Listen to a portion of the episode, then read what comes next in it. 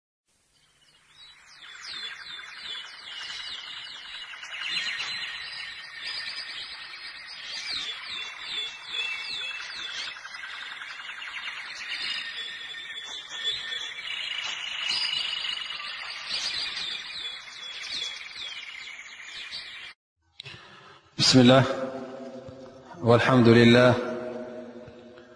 والصلاة والسلام على رسول الله وعلى آله وصحبه وسلم ومنوالاه خبركم أحو خرك أ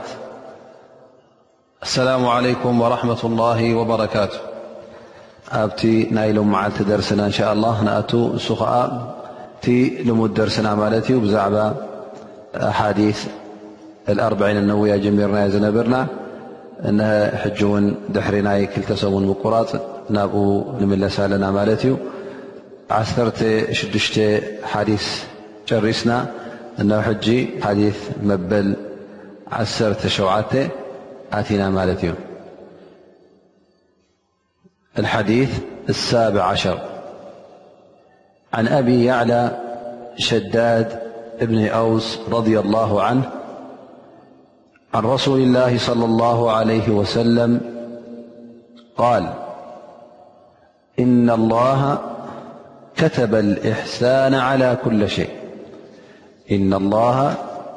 كتب الإحسان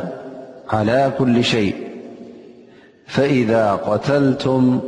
فأحسنوا القتلة وإذا ذبحتم فأحسنوا الذبح وليحد أحدكم شفرته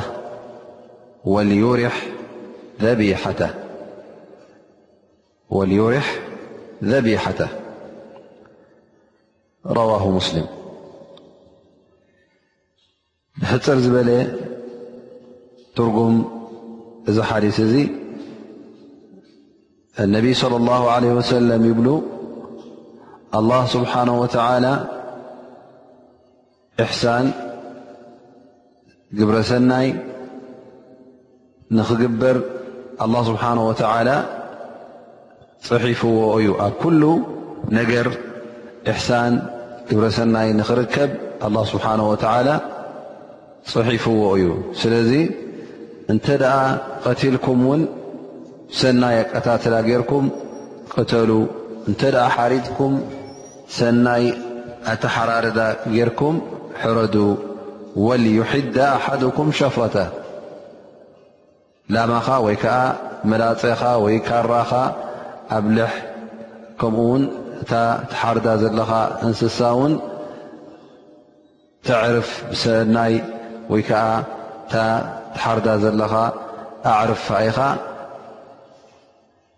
ኣይትጉድኣያ ኢኻ ወላ ውን ትሕረድ ተሃሉ ድኣ እምበር ቀልጢፋ ኣብቲ ማሕረድቲ ቀልጢፋ ከም ትመውት ከምዘይ ትሳቐ ጌርካ ክትሓርዳ ኣለካ እዮም ዝብሉ ዘለዉ ነቢ ለ ላ ለ ወሰለም እዚ ሓዲስ እዚ እማም እነው ይብል እዚ ሓዲስ እዚ ካብቲ ጠቕላሊ ናይ መሰረታት እስልምና እዩ ምኽንያቱ ኣብዚ ሓዲስ እዚ እንታይ እዮም ዘርእዩና ዘለዉ ነቢ صለ ላሁ ለ ወሰለም ኣላ ስብሓን ወተላ እቲ ግብረሰናይ ኣብ ኩሉ ነገር ክርከብ ከም ዘለዎ ኣብ ሓደ ሸነኽ ጥራይ ዘይኮነ ብ ክልተ ሰለስተ ዓይነት ጥራይ ዘይኮነ እንታይ ደኣ ኣብ ኩሉ ሸነኻት ኣብ ኩሉ ነገራት ከም ዘሎ ወይ ከዓ ክርከብ ከም ዘለዎ እዮም ዝሕብሩና ዘለዉ በል እዚ ነገር እዚ ኣብ ምንታይ ይበፅሕ ይብሉ ኣብቲ ናይ መቕተልትን ኣብ ናይ ማሕረድን ክኸውን እንከሎ ኣብኡ ውን ኣገባብ ዘለዎ ሰናይ ኣገባብ ጌርካ ነታ እንስሳ ክትሓርድ ከም ዘለካ ጥራይ ናይ ወዲ ሰብ ኣይኮነን እቲ ጉዳይ እንታይ ደኣ ወላ እውን ኣብቲ ናይ እንስሳ ጉዳይ ክበፅሕ እንከሎ ውን ብሰናይ ኣተሓራርዳ ክትሓርዳ ከም ዘለካ ከም ኣብነት ኣብዚ ሓዲስ እዚ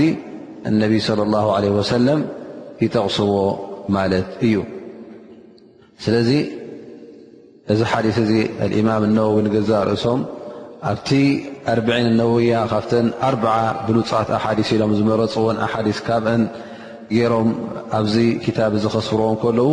እንታይ ዝርእየና ብልፀት ናይዚ ሓዲስ እዚ ከምኡ ውን እቲ ሒዝዎ ዘሎ ትሕዝቶ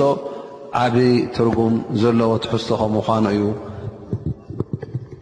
ዝርእየናን ዘብርሃናል ዘሎ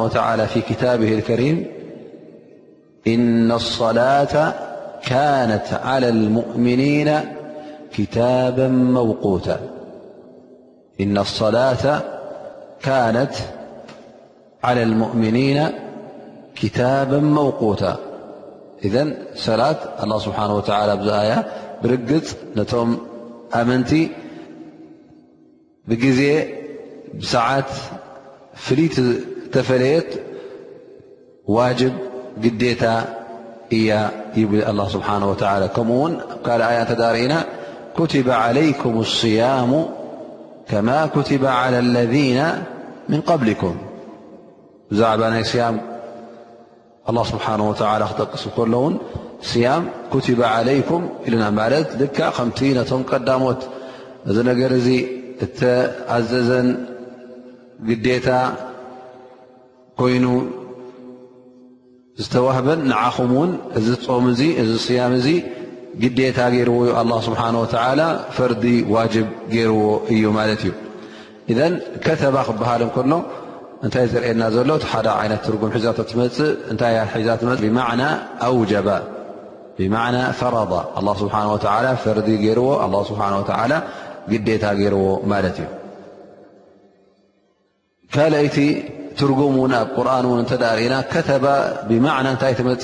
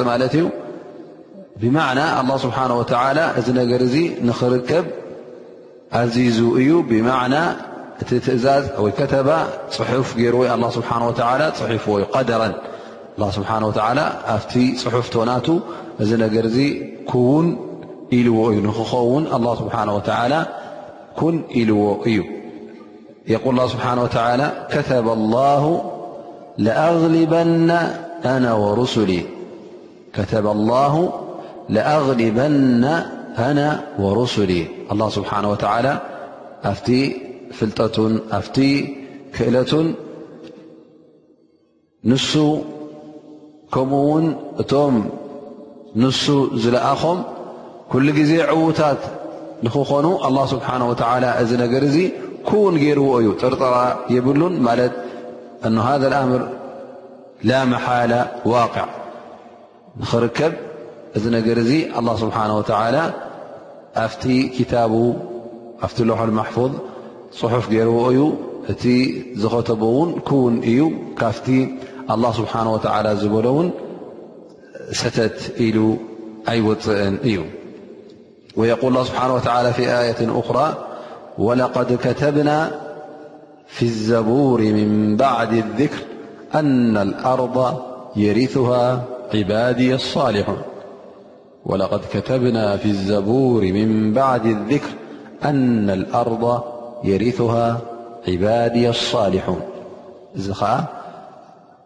ኣላህ ስብሓን ወተዓላ ብርግፅ ኣብቲ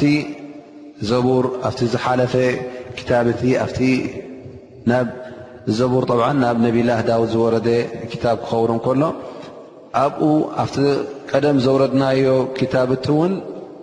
ብርግፅ እቶም ብፁኣን እቶም ሳልሒን ባሮተይ ነዛ ዓለም እዚኣ ወይ ከዓ ነዛ መሬት እዚኣ ንሶም ክወርስዋ ከም ምዃኖም ዓወት ናቶም ከም ምዃኑን ብቀደም ኣላ ስብሓን ወተዓላ ኣብቲ ቀደም ዘውረዶ ክታብቲ እዚ ነገር እዚ ፅሒፍዎ እዩ ክውን እውን ኢልዎ እዩ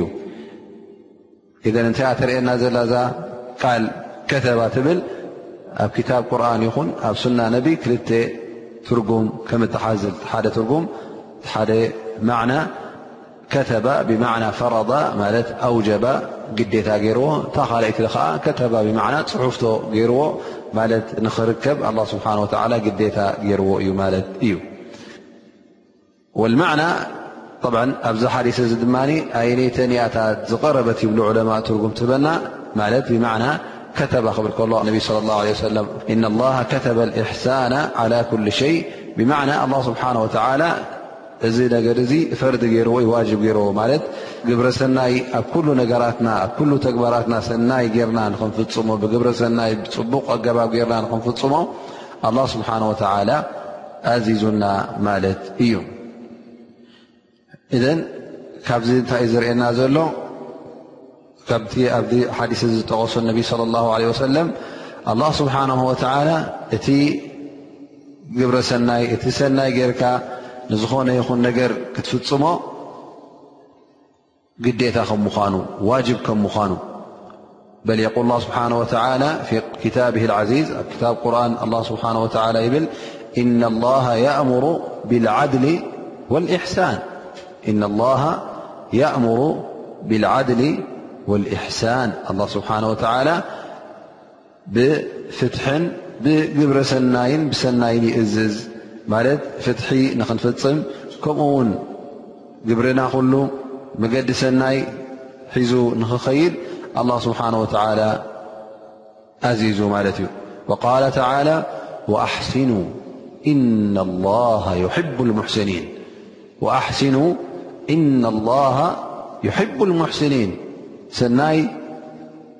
ግበሩ ግብረ ሰናይ ፈፅሙ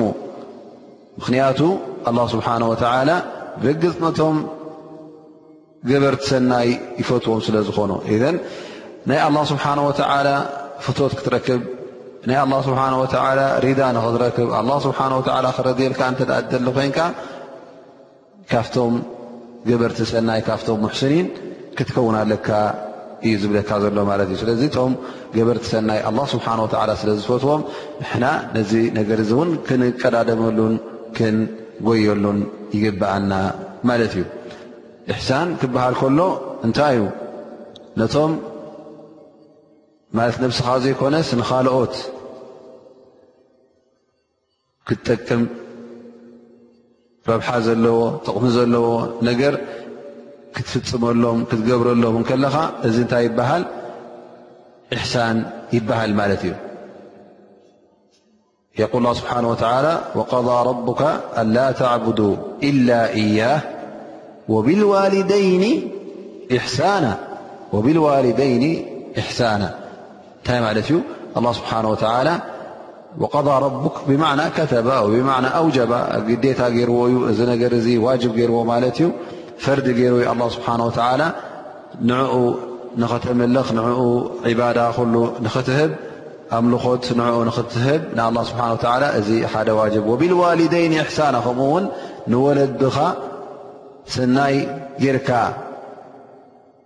ክተናብዮም ብሰናይ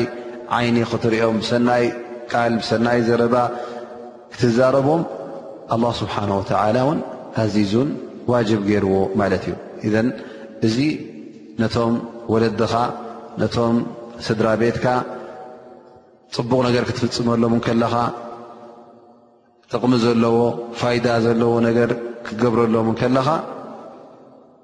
እዚ እንታይ ይበሃል ኢሕሳን ይበሃል ከምኡ ውን ንጋሻ ንኣብነት ውን ብሰናይ ክትቅበሎ እንከለኻ እንታይ ጌርካ ኣሉ ትበሃል ኣሕሲንካ ኢሕሳን ሰናይ ጌርካ ኣሉ ትበሃል ንድኹም ንዘቕታም ንመሽኪን ነዞም ኩሎም ብሰናይ ዓይኒ ሰናይ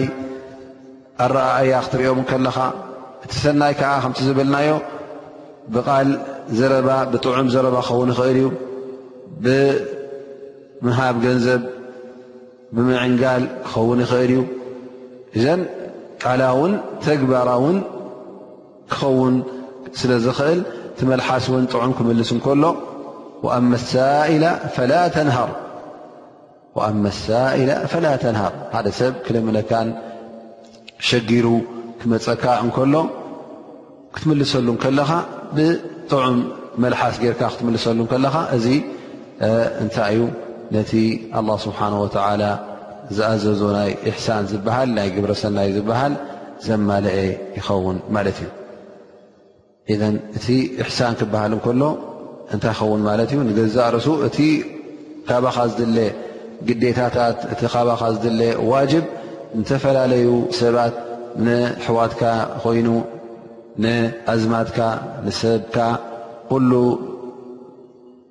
ወዲ ሰብ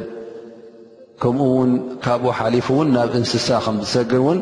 እዚዩ ዘርእየና ዘሎ ማለት እዩ እቲ ሰናይ ናብ ኩሉ ከም ዝሰግር ኣላ ስብሓን ወተላ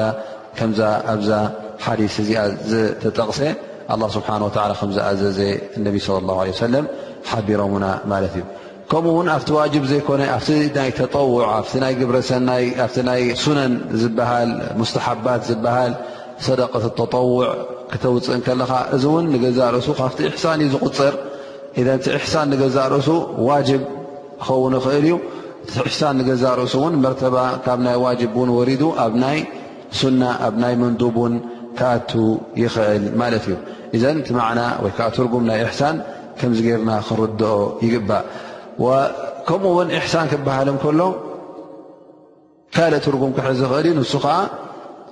ንዝኾነ ይኹን ስራሕ ክትሰርሕ ከለኻ ንዝኾነ ይኹን ግብሪ ንክትፍፅም ከለኻ ብፅፈት ክትሰርሕ ከለኻ ብፅፈት ምስራሕ እሕሳን እዩ ዝበሃል ፈዘን የእቲ እሕሳን ብማዕና ኣልእትቃን ወኢጃደት ሸይ እቲ ትሰርሖ ስራሓት ብሰናይ ኣሰራርሓ ብፅቡቕ ብፅፈት ብፅርት ክትሰርሖ ከለኻ እዚ እንታይ ይበሃል እውን ኢሕሳን ይበሃል ማለት እዩ ስለዚ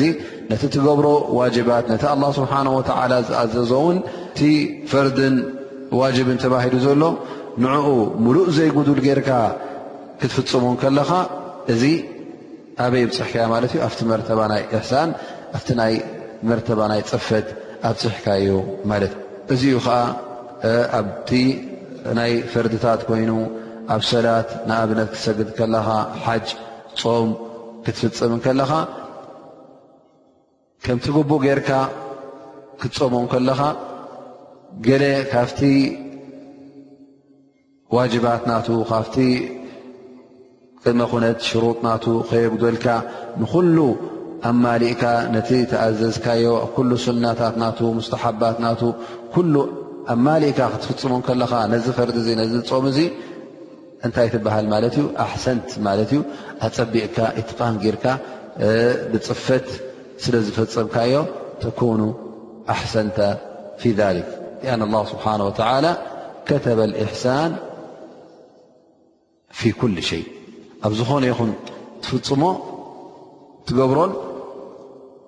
ብሰናይ ኣገባብ ጌርካ ክትገብሮ ማለት እዩ እን እታ እሕሳን ትበሃል እዚ ኩሉ ትርጉም ዘማልአት ትኸውን ዘከረ ነቢይ صለ ላه ለ ወሰለም ኣብዚ ሓዲስ እዚ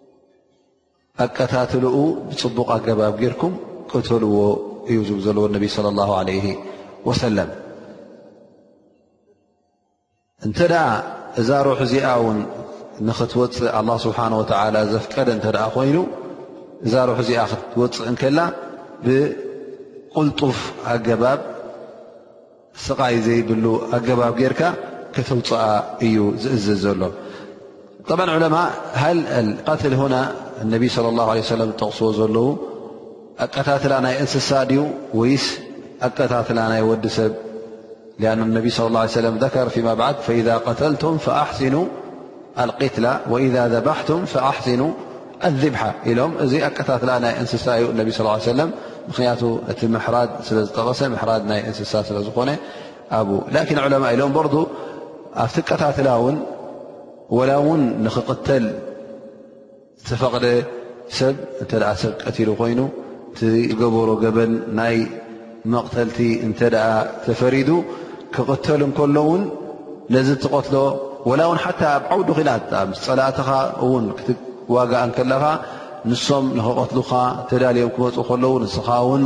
ንክትቀትሎም ተዳሊኻ ክትመፅእ ከለኻ ኣብቲ ቀታትላ ንገዛእ ርእሱ ኣብ እስልምና ሕጊ ኣለዎ ማለት እዩ ሰብኣዊ ሕጊ ነዚ ሰብ እዚ መሰሉ ዝሕለወሉ ወላ እውን ፀላኢኻ ክን ወላ እውን ክቐትለካ መፅኡ ይኹን እዚ ሰብ እዚ ክትቀትሎ ከለኻ ብሰናይ ኣገባብ ጌርካ ክትቀትሎ ኣለካ ማለት እዩ ብማዕና እዚ ፀላእየ ዩ ኢልካ ስለምንታይ ቐልጢፉ ዝመውት ኣሳቅየ ዘይቀትሎ ኢልካ ንክትቀትሎ ኣይፍቀድን እዩ ንኣብነት ኣምጺእካ እዚ ሰብ እዚ መጀመርያ እግሩ ኢዱ እናቆረፅኩ ንእሽተይ ንእሽተይ እናቆራረፅኩ እናሳቐኹ ክቐትሎ እየ ክትብል ከለኻ እዚ ሙትላ ይበሃል ማለት ነዚ ሰብ እዚ ብዘይ ሰብኣዊ ኣገባብ ብዘይ ሸሪዓዊ ኣገባብ ትቐትሎ ስለ ዘለኻ እናቆራረፅካ እዚ ሕጂ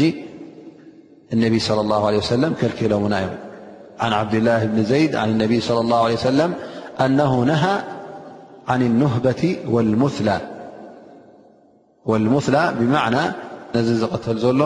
እናጠባሕካን እናጨረምካን ካብ ኣፍንጭኡ ካብ እግሩ ካብ ኢዱ ካብ ገለ እናወሰትካ እንተ ክትቀትሎ ኮንካ እዚ እነቢ ስለ ላ ለ ሰለም ከምዚ ገርና ንክንቀትል ወላ ንክቕተል ይፈቐድ ዳኣ እምበር ዝሰብ እዚ ኣብ ዓውዲ ኩናት እውን ይሃሉ ዳኣ እምበር ከምዚ ጌርካ ንክቕተል ኣይፍቀድን እዩ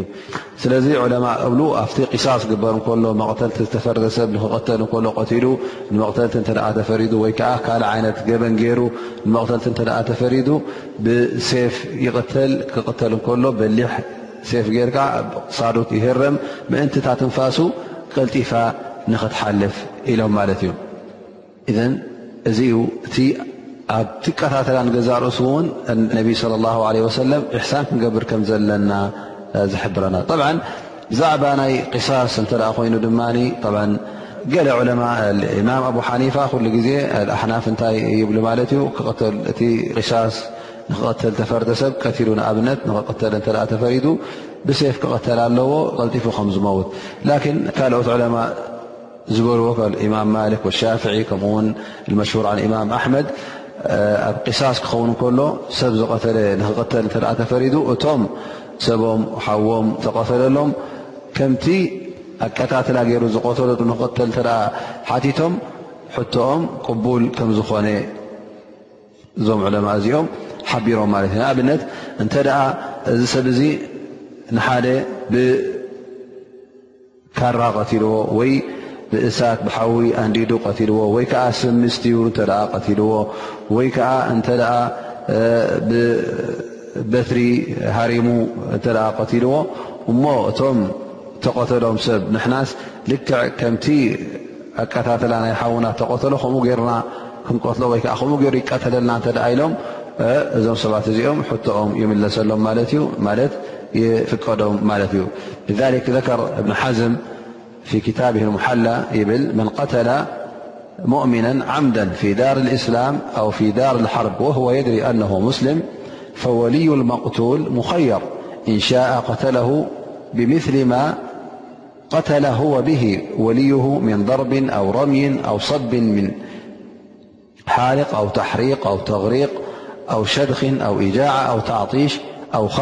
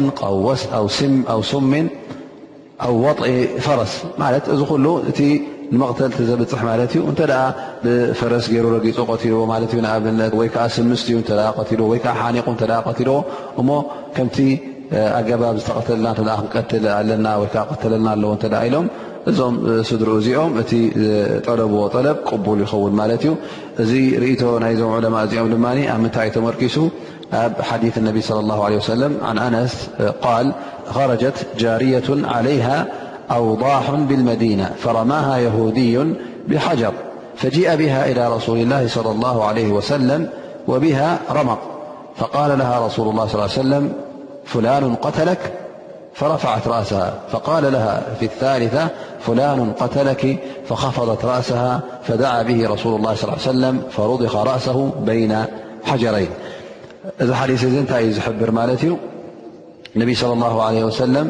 ኣብቲ ግዜኦም ማለት እዩ ሓንቲ ቆልዓ ዋልሰይቲ ወርቂ ተሸሊማ ነይራ እሞ ከዓ ኣብቲ ጫፍ ጫፍ ናይ መዲና ኣብኡ ሓደ ኣይሁዳዊ ረኪብዋ እሞ ከዓ ነቲ ወርቃ ንክሰርቂ ኢሉ እታይ ይገብር ማለት እዩ ነዛ ቆልዓ እዚኣ ኣምፃ ኣቢሉ ብእምኒ ርእሳ ይሃርማ ማለት እዩ ሽዑ እቲ ወርቃ መፂልዎ ይኸይድ ይሃድም ግን እዛ ሰብ እዚኣ ቀልጢፋ ኣይሞተትን ጌና ትንፋስ ቁርብ ከለዋ ወይ ከዓ ትንፋሳ ክሉ ከይሞተትን ከላ ሰብ ረኪቦማ ማለት እዩ ናብ ነቢ ስ ሰለ ን ኣምፅኦማ ነቢ ስ ሰለ ይሓትዋ ነሮም ማለት እዩ መን ይቀትሉኪ ሕሳ ሕጂ ክትዛረቡ ትኽእል ኣይነበርትን ጥራይ ትሰምዕ ነራ ግን ብርእሳ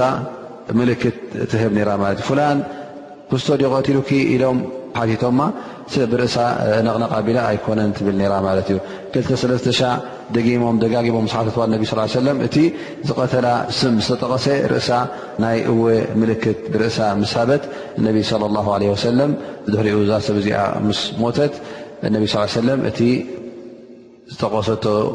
ኣይሁዳዊ ተጸዊዑ ማለት እዩ ተሓቲቱ እውን ከም ዝቐተላ እውን ተኣመነ እዚ ሰብ እዚ ከምቲ ልክዕ ከምቲ ንዓኣ ገይሩ ዝቐተላ ገይሮም ቀትሎሞ ማለት እዩ ማለት ብእምኒ ኣብ ርእሳ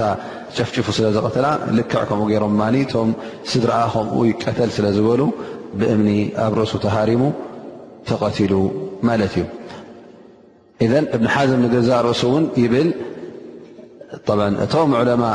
ካልኦት ወይከዓ ናይ ብሴፍ ክቕተል ኣለዎ ዝበሉ ብ በዛ ሓዲስ ሎማዕቲ ዝጠቐስናዮ ፈኢዛ ቀተልቱም ኣሕሲኑ ቅትላ ብኡእዮም ተመርኪሶም ነይሮም ማለት እዩ ግን እብን ሓዝም ይብል እቲ ንገዛእ ርእሱ ኣሕሲኑ ቅትላ ዝበለና ነቢ ለ ለ ወሰለም ንገዛእ ርእሱ ነቲ ሰብ ዝቐተለ ከምታ ኣገባብ ኣቀታትላ ገይሩ ዝቐተላ ብኸምኡ ጌርካ ክትቀትል ከለኻ እዚ ንገዛእ ርእሱ ምን ኣልእሕሳን ወምን ኣልዓድል ይብሉ ምኽንያቱ ልክዕ እቲ ፍትሒ ነዚ ሰብ እዚ ከምታ ዝገበራ ከምታ ኣቀታትላ ገይሩ ንኻልእ ዝቐተላ ብኣ ክትቀትሎ ከለኻ እዚ ንገዛእ ርእሱ እንታይ እዩ ይብሉ እብኒ ሓዝም ንገዛእ ርእሱ እዚ እሕሳን እዩ ነቲ ቂሳስ ነቲ ሕነ ከምቲ ግቡእ ክፍደን ከሎ እዚ ንገዛእ ርእሱ ጥቕሚ ኣለዎ እሱ ይኸኣዩቲ ግቡእ ይብል ማለት እዩ ወልሕሩማ ከማ ቃል ስብሓ ተላ ወልሕሩማቱ ቅሳስ እዘን እዚ ኣብ ምንታይ እዩ ዘርኢ ኣብቲ ናይ ወላ እቲ ንመቕተልቲ ተፈረዘ ሰው ክቐተል ከሎ ከመይ ጌርካ ክቐተል ከም ዘለዎ ሰብኣዊ ቀታትላ ጌርካ ክቐተል ከም ዘለዎ ዝሕብር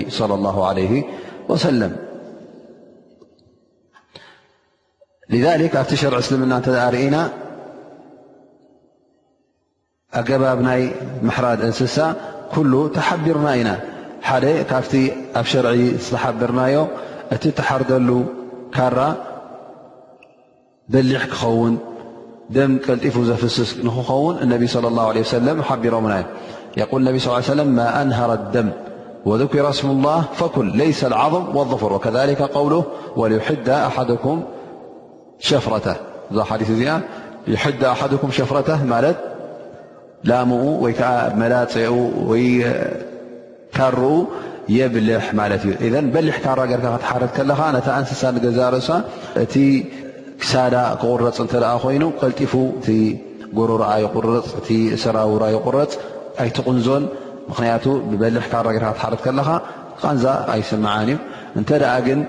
ጎዲምካራ እተ ኮይኑ ሕርሕራ እተ ኣለካ ኮንካ ስቃይ ስለ ዝኾነ ካብዚ ዓይነት ኣገባብ ወይከዓ ካብዚ ዓይነት እዚ ኣተሓራርዳ እነቢ ለ ላ ለ ሰለም ይኽልክሉን ኣለዉ ማለት እዩ ካብቲ ኣዳብ ናይ ማሕረድ ክትሓርድ ከለካ እንስሳ እውን እነቢ ስ ሰለም ካብቲ ዝሓበሩና እቲ ጎሮሮ ክቑረፅ ከም ዘለዎ ከምኡ እውን ወድ ጀይን ማለት እቲ ክልተ ናይ ሰራውር ኣብ ክሳድ ዘሎ ደም ብኡ ንክፈስስ ምእንቲ እሱ እውን ክቑረፅ ከም ዘለዎ ተሓቢርና ማለት እዩ ስለዚ እዚ ተሓራርዳ እዚ ቀልጢፉ ነታ እንስሳ ውን ይቀትላ ወይ ከዓ የሞታ ማለት እዩ ክትሓርድ ከለካ ድማ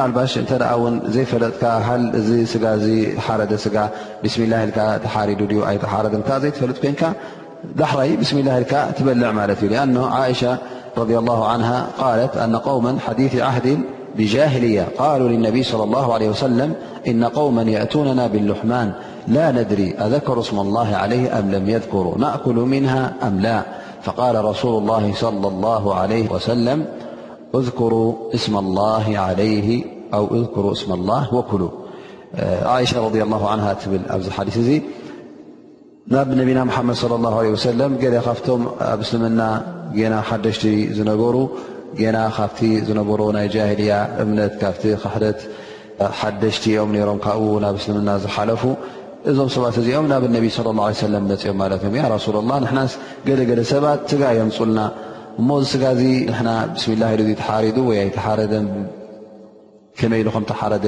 ስለ ዘይፈለጥና ሃል ንበልዕ ዶ ኣይንበልዕን ኢሎም ሓቲቶሞ ነቢ ስ ላ ሰለም የል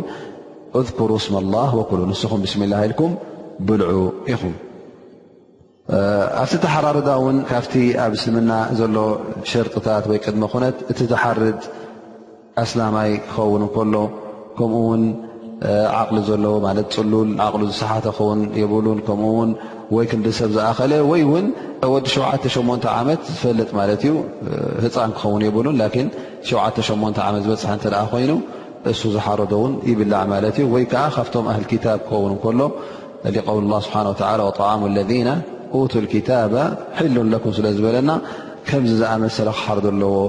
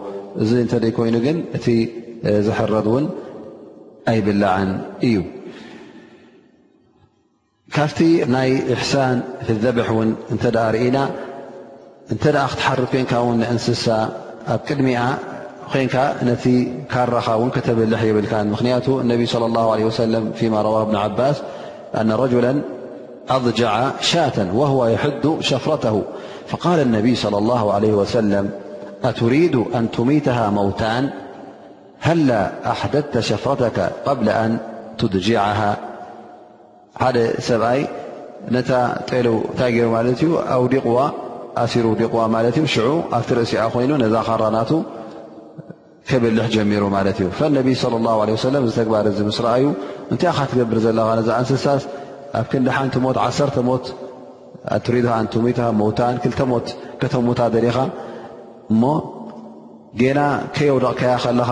እቲ ካራኻ ኣብሊሕካያ እንተትኸውን ዶ ኣይምሓሸን ነይሩ ኢሎም እነቢ ስለ ላ ለ ሰለም ሓቢሮሞ ስለዚ እንስሳ ክትሓርዳ ከለኻ እውን ኣብቲ ቅድሚኣ ኮይንካ ነቲ ካራይ ትስሕሎን ኢኻ እዚ እፍለጣ እዩ ክትሕረድ ከም ምኳና ግን ኣላ ስብሓን ወተዓላ ነዛ እንስሳ እዚኣ እንስሳ ገይሩ ከሊቕዋ እቲ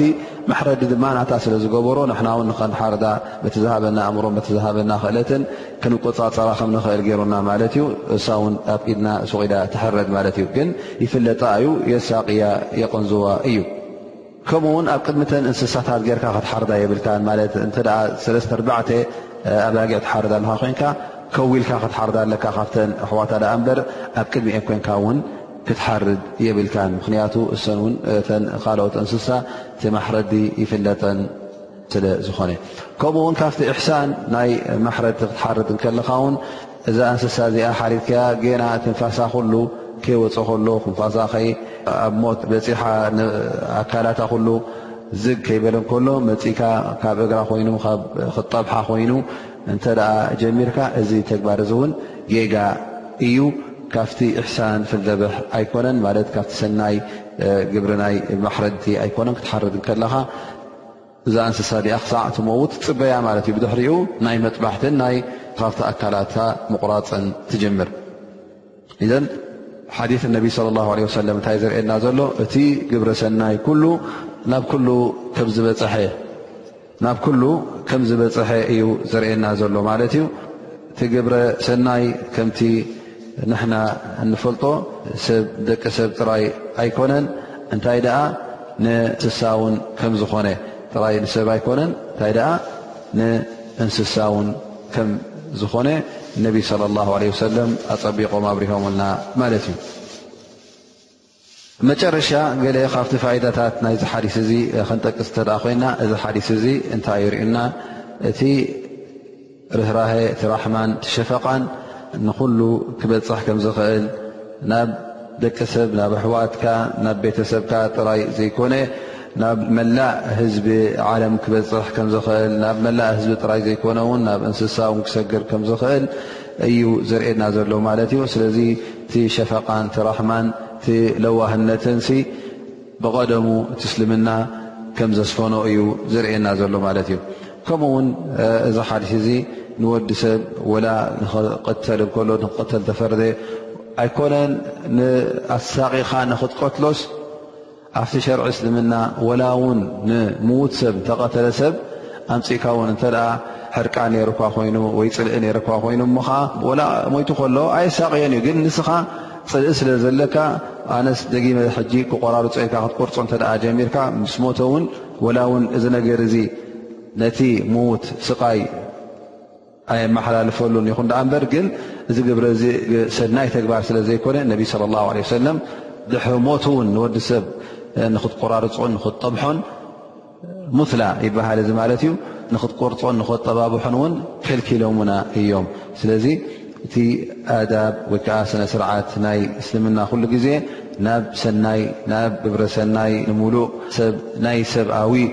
ألجبب سرعت كم زحز ي زرألنا لو ملت ي أقول قول هذا وأسأل الله سبحانه وتعالى أن ينفعنا بما سمعنا وأن يعلمنا ما ينفعنا وصلى الله على نبينا محمد وعلى له وصحبه وسلم ي لم درسنا لزي دمدم ملت ي